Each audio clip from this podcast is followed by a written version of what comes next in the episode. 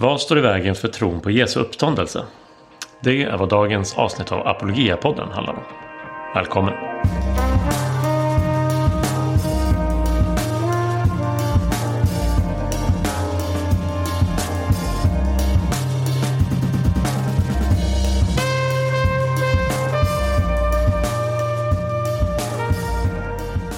Välkommen tillbaka till Apologia-podden. Det här är Martin Helgesson och min röst kommer du bara höra en kort liten stund här i början av dagens avsnitt. Därför att jag ska eh, idag bjuda på en inspelning från Apologia Live, vårt webbinar den 6 september. Men innan jag gör det så vill jag påminna om att eh, Apologias distanskurser börjar ny termin den 18 september om bara några dagar. Vi erbjuder fyra kurser varav två är helt nya. Den ena heter Obegriplig bibel och handlar om svåra bibeltexter både ur Gamla Testamentet och Nya Testamentet. Och både jag och några av mina eh, medarbetare i Apologia eh, Både jag och några av mina kollegor i Apologia kommer att hjälpa dig med några klassiskt knepiga texter och kommer ge dig tips och redskap som hjälper dig när du stöter på nya svårigheter i Bibeln framöver. En annan ny kurs är Apologeterna med framförallt Ray Baker som handlar om några av våra förebilder både i historien och nutiden ja, till och med något bibliskt exempel på en förebild när det gäller att förklara och försvara den kristna tron för omvärlden som ställer frågor och tvivlar. Sen erbjuder vi också två eh, äldre kurser som kommer tillbaka. Kristen själavård med Mats Elander som utforskar den kristna trons hållbarhet utifrån ett mer känslomässigt perspektiv. Och så kursen Förklara och försvara som ger en introduktion till vad det här med kristen apologetik handlar om. Guds existens, den historiska Jesus, det ondas problem, vetenskap och tro. Sådana här riktiga liksom, grundbultar och, och lite grann russinen ur kakan i det vi apologia kan erbjuda. Så kolla in de här kurserna. Eh, länk till vår lärarplattform där du anmäler dig och betalar och allt i ett svep. Det hittar du i beskrivningen till det här avsnittet nedanför. Och eh, vi börjar den 18 september. Man kan faktiskt anmäla sig ända fram till den 25 när de eh, eh, specifika kurserna drar igång mer var för sig. Men vi vill verkligen rekommendera dig att haka på någon av våra kurser i höst. Vi har faktiskt gjort dem mer prisvärda än någonsin genom att faktiskt sänka priserna när allt annat bara blir dyrare. Så ta chansen, det har aldrig varit så prisvärt som det är nu och du kommer inte att ångra dig, det kan jag faktiskt lova dig. Tillbaka till dagens avsnitt då. Vi hade som sagt Apologia Live den 6 september med rubriken I vägen. Och där ville vi titta närmare på vad är det som just är hinder? Vad är det som står i vägen för människors förmåga att tro på och ta till sig Jesu uppståndelse, det bärande i kristen tro. Och istället för att prata om folk i allmänhet så, eh, så kommer Stefan i sin presentation att eh, ta sin utgångspunkt i och ägna sig åt att analysera en av vår tids mer intressanta och inflytelserika röster om religion och kristen tro nämligen religionsvetaren David Turfjell.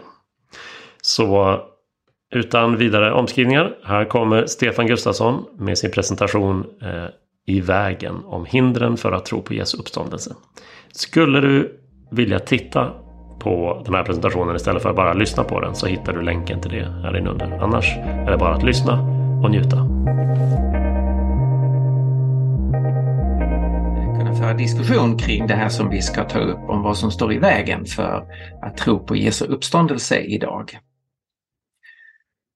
Jag vill börja med att säga att jag, är, eh, jag tycker det är ett objektivt faktum att det kristna evangeliet, de goda nyheterna om Jesus Kristus, det är faktiskt marknadens bästa erbjudande.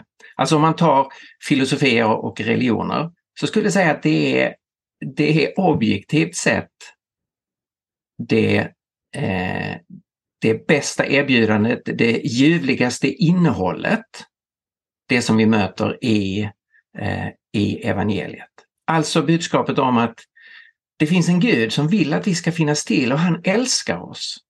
Det finns en möjlighet att få förlåtelse och försoning för det som har varit fel i ens eget liv. Man kan bli relaterad till universums ursprung.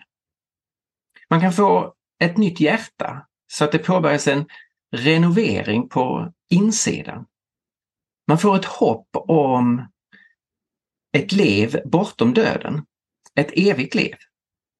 Allt det som är vackert och skönt och underbart har, om den kristna tron är sann, en evig förankring. Jag skulle säga om man lyssnar in religioner och filosofier, det finns ingen som kan liksom toppa det här, Eh, det här budskapet. Och allt, eh, hela det här budskapet, det går ju tillbaka till och bygger på Jesus Kristus, på hans person, vem han är och på hans liv och på hans död och på hans uppståndelse. Så det handlar om eh, Jesus. Nu är det klart att det finns en utmaning här också. En, en utmaning som finns i, för alla kulturer och alla tider, att det här budskapet om att, eh, om att du kan få bli försonad med himmelens Gud, att du kan få bli ett Guds barn. Det kommer ju med utmaningen att, eh, och kallelsen att du ska omvända dig från eh, dina själviska vägar, du ska vända dig till Herren. Att eh, eh du behöver eh, ta på ditt kors och följa eh, Herren. Eh, jaget behöver stiga ner från tronen i vårt eget liv så att Jesus blir Herre. Så här finns ju en utmaning som eh, finns i alla tider och som innebär att om man förstår det kristna evangeliet så behöver man sätta sig ner och beräkna kostnaden. Så kan ju Jesus eh, säga. Men sen finns det också speciella utmaningar som är, de är liksom inte samma i, i varje kultur som gör att människor, trots att budskapet har ett fantastiskt innehåll, så tar man inte emot det eller man överväger det inte ens. Och den svenska kulturen, den västerländska kulturen, är ju numera sådan att de flesta människor överväger inte budskapet. Man kommer aldrig så långt som att man undersöker budskapet och än mindre sätter sig ner för att beräkna kostnaden. Och det är det vi ska titta på den, den här kvällen. Vad är det som gör att de ljuvliga nyheterna om Jesus och det som följer av hans död och hans uppståndelse att det inte ens är ett alternativ. Och ni som vet någonting om mig, ni förstår ju att eh, jag kommer att dela en PowerPoint. Och det ska jag göra från och med nu. Vi ser, eh, då hoppas jag att det funkar, att ni ser en PowerPoint. I vägen, varför är det så svårt att idag tro på Jesu uppståndelse? Och jag tänker eh, eh, ta upp den här frågan utifrån en välkänd offentlig röst som jag tycker har formulerat det här så väldigt, eh, så väldigt väl. Och det är religionsforskaren David Thurfjell. För en hel del känd för eh, sina böcker där han analyserar det religiösa landskapet i Sverige, det gudlösa folket eller granskogsfolk, eller hans senaste bok En lockton i ödemarken. Han är en väldigt god samhällsanalytiker och jag håller ofta med honom i hans beskrivning av vad det är som sker i vårt samhälle och hur människor tänker kring eh, Gud och religion och andlighet. Eh, han har en, en fin förmåga att fånga upp strömningarna i tiden. Han har efterhand blivit en ganska uppmärksammad eh, person och han var ju en av eh, sommarpratarna den här eh, sommaren. Och eh, hans program handlade om religiös tvärsäkerhet. Det är ett program som är väl värt att eh, lyssna till. Det finns ju förstås på, eh, att, att ladda ner eh, på nätet. Och eh, jag ska spela ett litet klipp från hans, från hans sommarprat. Denna dominanta tvärsäkerhet som tar över överallt. Och jag inser att samma dragkamp på sätt och vis också funnits här hos oss i Sverige. Att det har funnits två kristendomar här. Dels den gamla folkkristendomen. En samling berättelser, symboler och traditioner som finns där i bakgrunden. Inte överdrivet eller tvärsäkert, utan som en del av livet. Lite som för den där fattige bonddrängen i Astrid Lindgrens visa. En kultur där fokus inte ligger så mycket på prästerna, kyrkan eller Gud. För man har ju ett liv att leva. Att gå bak sina oxar, hojta, vissla och svära. Och sova på söndagen istället för att lyssna på fromma predikningar. Inget till överdrift. Men bakom allt det här har ändå kristendomen funnits. Inte på något dogmatiskt eller moralistiskt sätt. utan just som en fond som ramar in livet och årstidernas växlingar. Och kanske som en stilla, knappt uttalbar förtröstan på att man ändå är okej okay som man är. Att det löser sig, att Gud i himlen har sett ens eviga slit och att man är honom kär, trots allt. Men sen har vi också haft en annan kristendom i det här landet. En kristendom som velat skruva upp ambitionsnivån. Som inte nöjt sig med att vara ett ramverk för livet, som inte tyckte att den där stillsamma folkfromheten varit bra nog. Karl Olof Rosenius, en väckelsepredikant på 1800-talet, kallade svenska folket för miljoner av döpta hedningar som rusar mot fördärvet. Fördärvad kan du vara själv i din tvärsäkerhet, tänker jag. Där har ni alltså David Thyrfjells röst och eh, det var intressant, han citerade då väldigt kritiskt eh, Karl Olof Rosenius. Jag tror inte det är en, en slump. Därför att David Thyrfjell har eh, en, eh, en, sin bakgrund i väckelsekristna sammanhang. Eh, hans farfar var en gång i tiden missionsföreståndare för EFS och Eh, invigde Hammarbykyrkan här i, i Stockholm och hans morfar var missionär i Indien. Och hans pappa var präst i Sollentuna. Och han växte upp, eh, David Thurfjell växte upp i kontakt med, med eh, Svenska kyrkan där. Men har ju då eh, en väldigt kritisk inställning till det han kallar för religiös tvärsäkerhet. Eh, och han argumenterar eh, för en annan sorts andlighet. I sitt sommarprat så eh, berättar han om att han har själv haft eh, vissa religiösa erfarenheter. Eh, bland annat en gång i Iran i ett muslimskt sammanhang, en annan gång i Indien ett, i ett hinduiskt sammanhang. Och han säger så här. Jag har fått uppleva något av det där och det har haft betydelse för mig. Men jag har också en annan sida. Mitt förnuft, den distanserade reflektionen, de psykologiska perspektiven och vetskapen om hur destruktiv passionen kan bli. Hur överdriven och tvärsäker. Jag sveptes med i känslan den där kvällen, men jag höll tillbaka. Är du själv troende? Det är nog den vanligaste frågan jag får när jag berättar för folk att jag är religionshistoriker. I buddhistisk filosofi finns det tre svar som kan ges på en ja och nej-fråga av det slaget. Ja, nej eller mo. Mo, det tredje alternativet, betyder att frågan är felformulerad. Att den är ställd på ett sådant sätt att både ett ja och ett nej skulle vara felaktigt. Jag vill svara mo på den här frågan.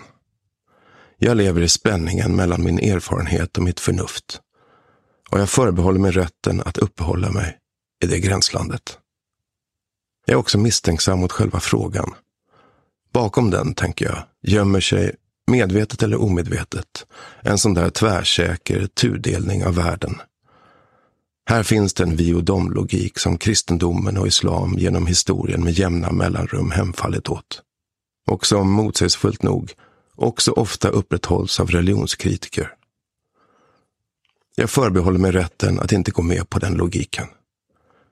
Jag vill inte placeras i ändera kategorin av en tudelad mänsklighet. Jag vill inte vara ett får eller en get, ett agn eller ett vetekorn. Jag vill sälla mig till den tysta medelvägen, till den pragmatiska huvudfåra som accepterat livet i dess brokighet.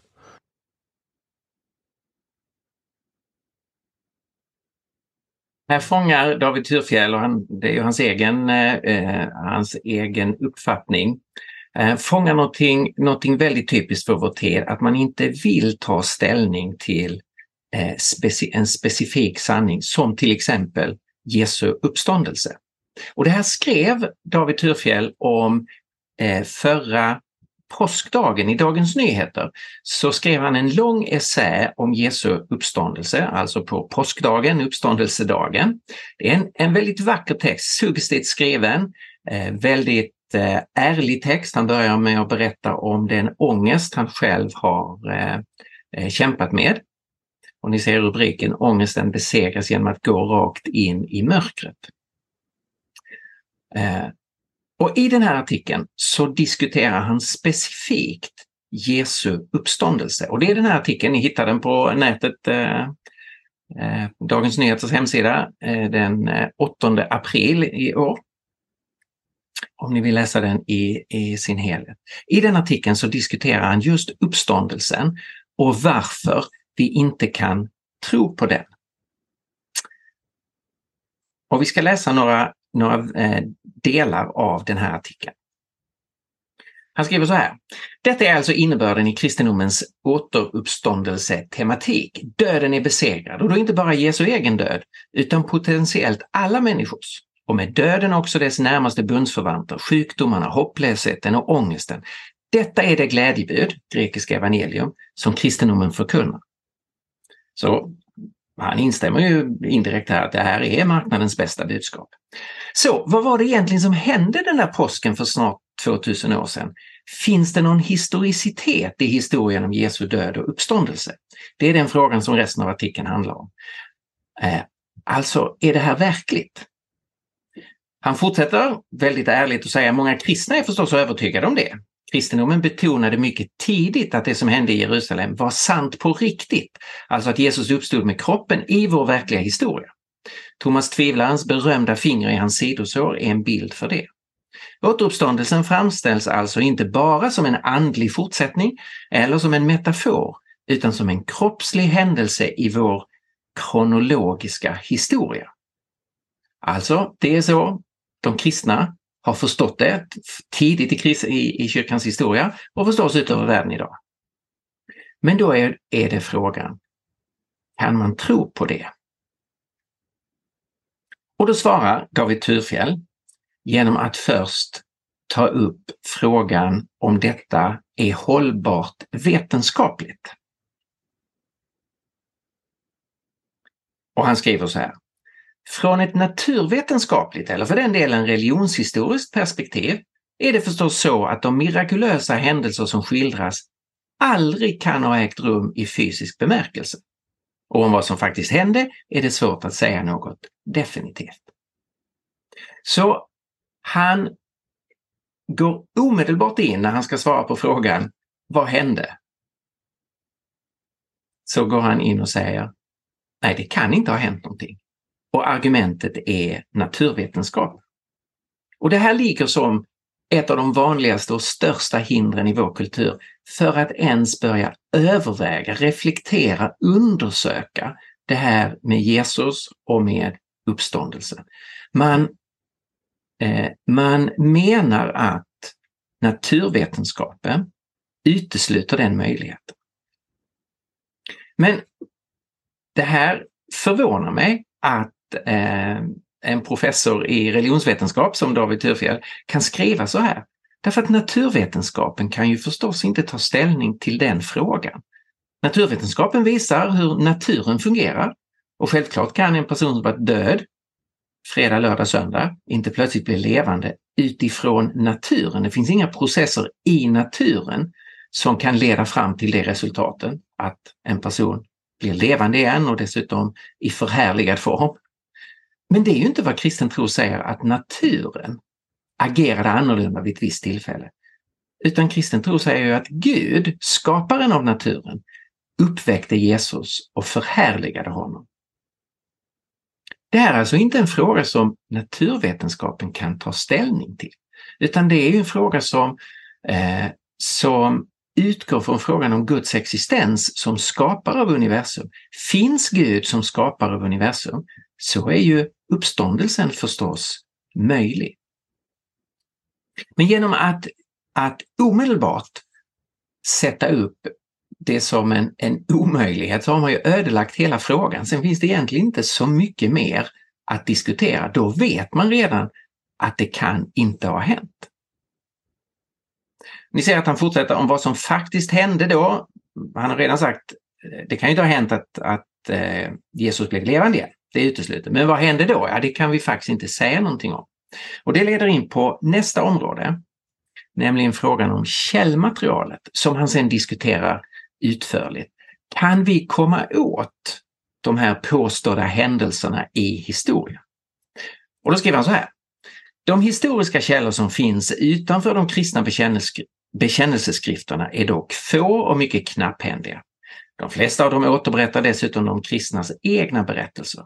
Det är till och med så att Filon från Alexandria, en intellektuell som levde samtidigt som Jesus och skrev om religiösa grupperingar i trakten kring Jerusalem precis vid tiden för korsfästelse, han nämner vare sig Jesus eller den rörelse som fanns runt honom. Och här höjs min adrenalingrad eh, ytterligare. Eh, inte nog med att det här är ett missbruk av naturvetenskapen. Här är historiska resonemang som man måste sätta ganska stora frågetecken för. Jag sätter tre stora frågetecken.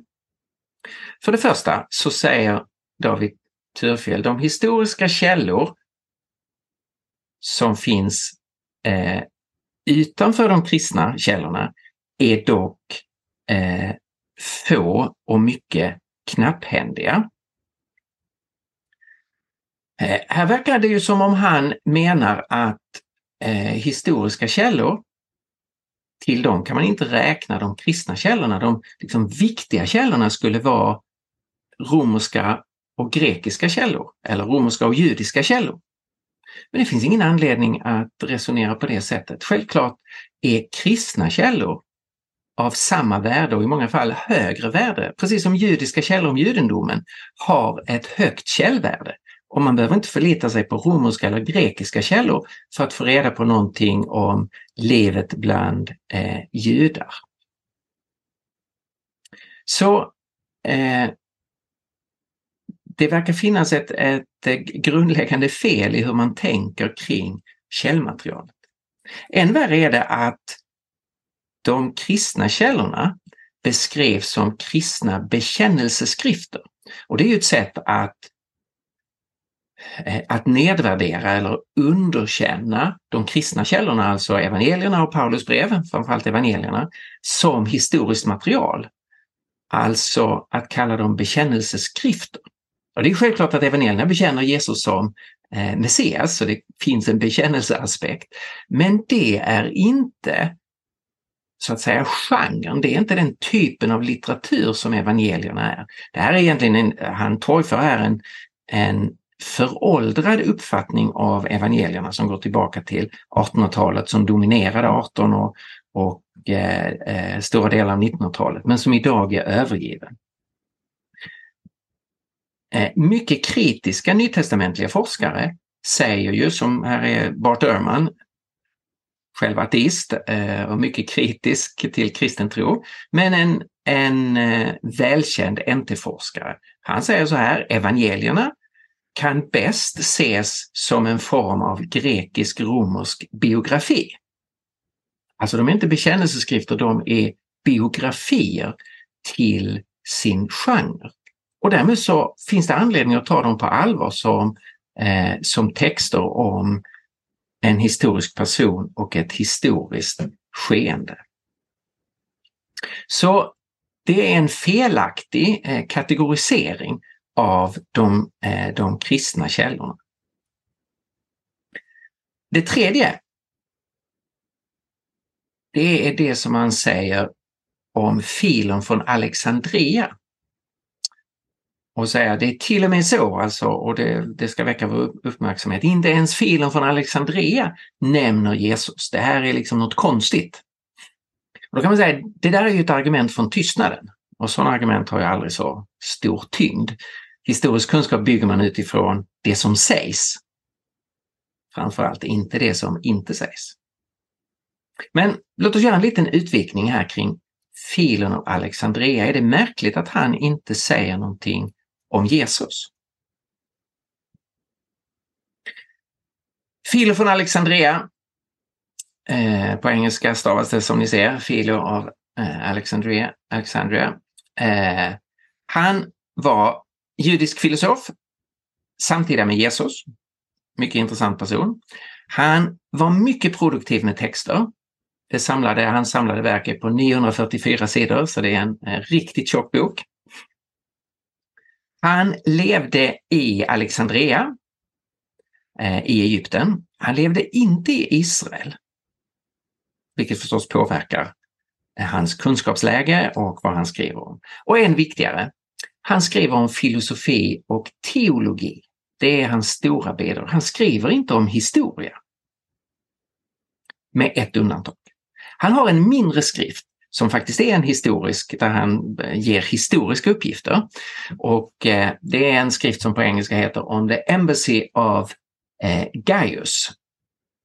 Om uppvaktningen av kejsaren Gaius och kejsaren Gaius känner vi bättre som Caligula. Eh, situationen blev sådan i Alexandria att eh, en eh, en antisemit, en grekisk antisemit eh, skapade en mängd problem för den judiska gruppen i Alexandria. Och det gick så, eh, det gick så långt att man sände en delegation från Alexandria till den romerska kejsaren för att uppvakta kejsaren och eh, få hjälp med situationen. Det fanns ett tidigare beslut av eh, eh, av den egyptiske ledaren att judarna skulle få ha eh, fred i Alexandria och det hade bekräftats av en tidigare romersk kejsare och nu ville man få den ordningen bekräftad. Eh, och då har Filo skrivit om den uppvaktningen. Och det är helt riktigt att där nämner han inte Jesus eller den kristna rörelsen. Men det är inte så konstigt. Han är inte där för att beskriva allmänt vad som har hänt i Israel. Han skriver om hur man uppvaktar kejsaren för att det ska eh, bli lugn och ro i Alexandria bland judarna. Eh, I sin skrift så nämner han personer vi känner igen från evangelierna. Han nämner Herodes den store och han nämner Pontius Pilatus, de finns i hans text. Men han nämner inte översteprästen Kajafas, han nämner inte saduceerna, så det är ganska tillfälligt eh, vilka personer han eh, nämner. Och han nämner då inte Jesus eller den kristna rörelsen. Men det är ju inte relevant för det han skriver om, alltså judarnas situation i Alexandria.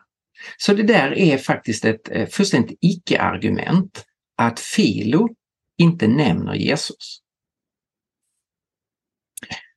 David Turfjells slutsats här när det gäller källläget, det är de omständigheter som omgav den milde rabbinen från Nasaret och hans död har alltså till stor del gått förlorade i historiens mörker.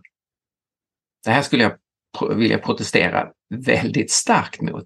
Det är helt, helt enkelt inte sant att omständigheterna runt Jesu död skulle ha gått förlorade i historiens mörker. Tacitus skriver om det, Josefus skriver om det, evangelierna eh, har mycket, mycket utförlig beskrivning av Jesu sista vecka. Att kalla det historiens mörker, det är att inte att representera det faktiska läget. Så eh, det här ger en helt skev bild av källäget. Om man vill tala om historiskt mörker så kan man säga så här.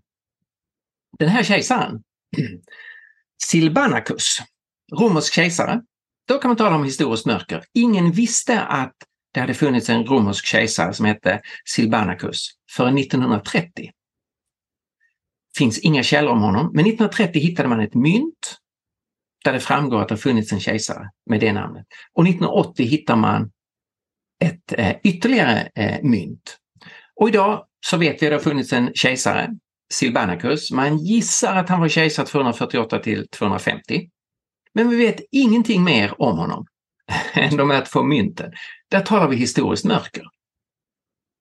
Men det blir ju skrattretande att jämföra det med kunskapsläget om Jesus från Nasaret och inte minst kunskapsläget om eh, när det gäller hans död. Så det som David Turfield gör här, det har blivit en del av den allmänna liksom, eh, Eh, inställningen eller eh, allmänna känslan runt eh, runt Jesus, att vi egentligen inte kan veta så mycket, att det är väldigt osäkert. Så då har vi två ganska stora hinder här för att människor överhuvudtaget ska börja undersöka den kristna tron. Naturvetenskapligt påstås det att det redan i utgångsläget är omöjligt. Vetenskapen har på något sätt motbevisat det. Och historiskt så har vi inte ett källmaterial. båda påståendena eh, har vi inte tillräckligt bra källmaterial. Och båda påståendena skulle jag då säga är, eh, är, är felaktiga. För det tredje så går David Thurfjell igenom evidensen för uppståndelsen. För det är ju specifikt uppståndelsen han diskuterar i den här artikeln. Så han skriver om eh, Jesu död och Jesu begravning och så säger han men så händer något. På tredje dagen börjar ett rykte att spridas. Graven är tom och kroppen är borta. Några har sett en gestalt på en strand, andra längs en landsväg i skymningen. Ur dessa erfarenheter växer så den förbryllande idén som blir kärnan i den kristna religionen. Att Mästaren lever fastän alla såg honom dö på korset. Och i förlängningen att det finns evigt liv fastän allt det vi kan se dör.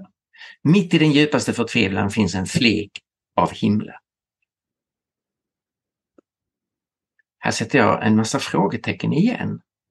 Vad är det här för beskrivning av vittnesmålen, av, av evidensen för uppståndelsen? Notera hur det formuleras. På tredje dagen börjar ett rykte att spridas. Rykte är någonting väldigt löst, eller hur? Att graven är tom och kroppen är borta. Men det var faktiskt inte rykten, det var ju på faktaplanet. Det, det här kunde ju vem som helst kontrollera. Graven var tom och kroppen var borta. Det var både lärjungarna och Eh, kritikerna till den kristna rörelsen överens om. Det är faktiskt ganska mycket mer än ett rykte. Sen fortsätter han säga, några har sett en gestalt på en strand, andra längs en landsväg i skymningen. Men det är ingen saklig återgivning av vad vittnesmålen handlar om. Alltså, några har sett en gestalt på en strand. Det syftar ju på Johannes 21. Men det är inte så att några ser en gestalt. Ja, det är sant, de ser en gestalt när de är ute i båten. Någon står på stranden. De identifierar honom som Jesus. De kommer in till stranden, de slår sig ner runt en eld. Där har Jesus förberett en måltid och grillat fisk. Det finns inte tillräckligt med fisk så Petrus får gå till båten, ta dit mer fisk och lägga på glöden. Så äter man, så för man ett samtal eh, runt elden och sen vandrar man längs stranden tillsammans med Jesus åtminstone, eh, Petrus och Johannes, och man fortsätter samtala. Det här är väldigt mycket mer än att se en gestalt på en strand. Andra längs en landsväg i skymningen. Det är också att tona ner, alltså några har i, i, i svagt ljus tyckt sig se någonting. Det är ju Lukas 24 och vandringen till Emmaus. Det är en vandring eftermiddagstid Eh, en vandring som tar flera timmar som involverar eh, långa ingående samtal och som slutar runt ett matbord i, i Emmaus. Det är inte en korrekt återgivning av vad vittnesbörden eh, påstår. Man kan förstås diskutera om, om vittnesbörden är sanna, men första steget är ju faktiskt att redogöra för vad vittnesbörden eh, faktiskt säger. Och så säger han att eh, ur de här erfarenheterna så växer då fram det som är den kristna trons kärna. Att Mästaren lever fastän alla såg honom dö på korset. Mm, det är sant, alla såg honom dö på korset, men bekännelsen att han är levande bygger ju på att alla såg honom levande. Precis som de hade sett honom dö på korset så såg de ju honom levande första söndagskvällen, en vecka senare och vid många andra tillfällen. Så det här är också att, eh, att förminska och förkorta det som är evidensen för uppståndelsen. Det är faktiskt inte en korrekt eh, återgivning av varför man började tro att Jesus hade uppstått. I Apostlagärningarna kapitel 1 så står det så här, han framträdde för dem efter att ha lidit döden och gav dem många bevis på att han levde, då han under 40 dagar visade sig för dem och talade om Guds rike. Och under en måltid tillsammans med dem så sa han, alltså det här är väldigt mycket mer än att se en gestalt på en strand eller ana någonting i skymningen på en väg. Så evangelierna och apostlagärningarna och första Korinthierbrevet talar om ett mycket stort antal vittnen som vid många olika tillfällen, mycket konkret och under längre tid såg Jesus. Det är vittnesbörd om eh, någonting som inte är på insidan av lärjungarna utan som är, sker ute i den faktiska eh, världen. Eh, de ser Jesus, de hör Jesus, de tar på Jesus. Jesus bjuder dem på mat, de bjuder Jesus på mat. Man samtalar med varandra, man har, har eh, intellektuella diskussioner.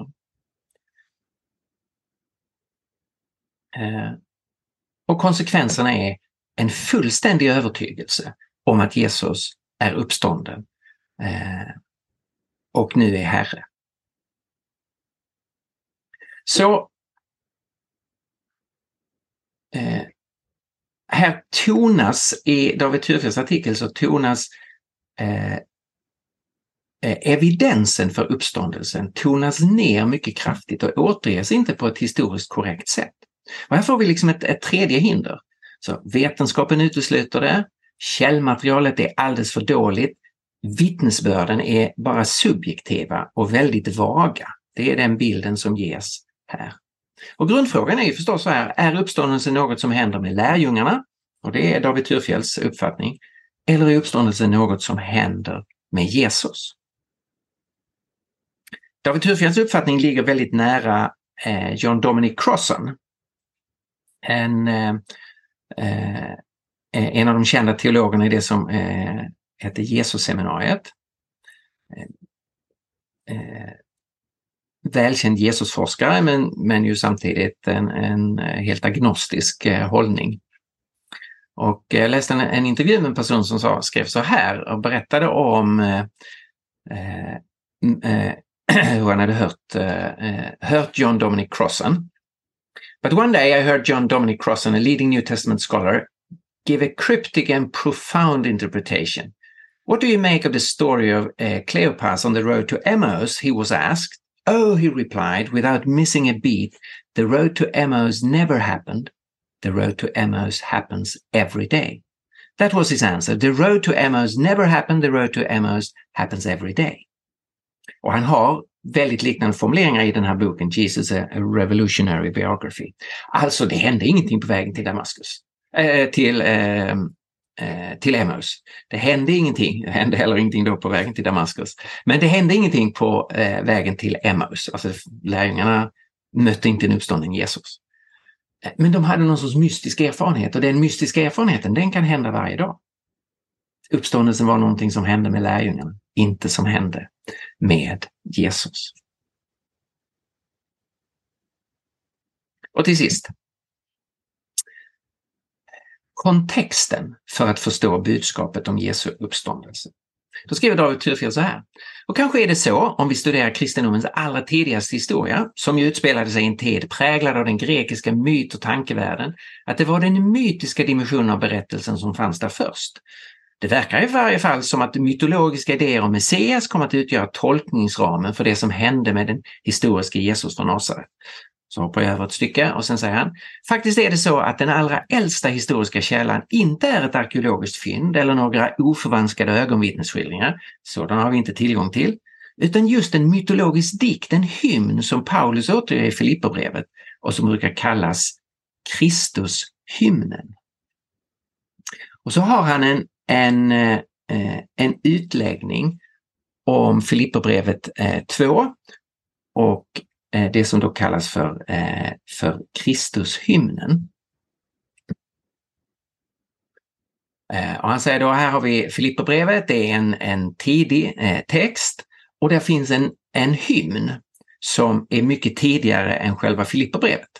Och det är en ganska vanlig tanke bland forskare, jag har inga invändningar mot det, men vi, man vet inte om det är Paulus som har skrivit den på 60-talet eller om han citerar eh, Eh, eh, en hymn. Det är bara en, en möjlighet.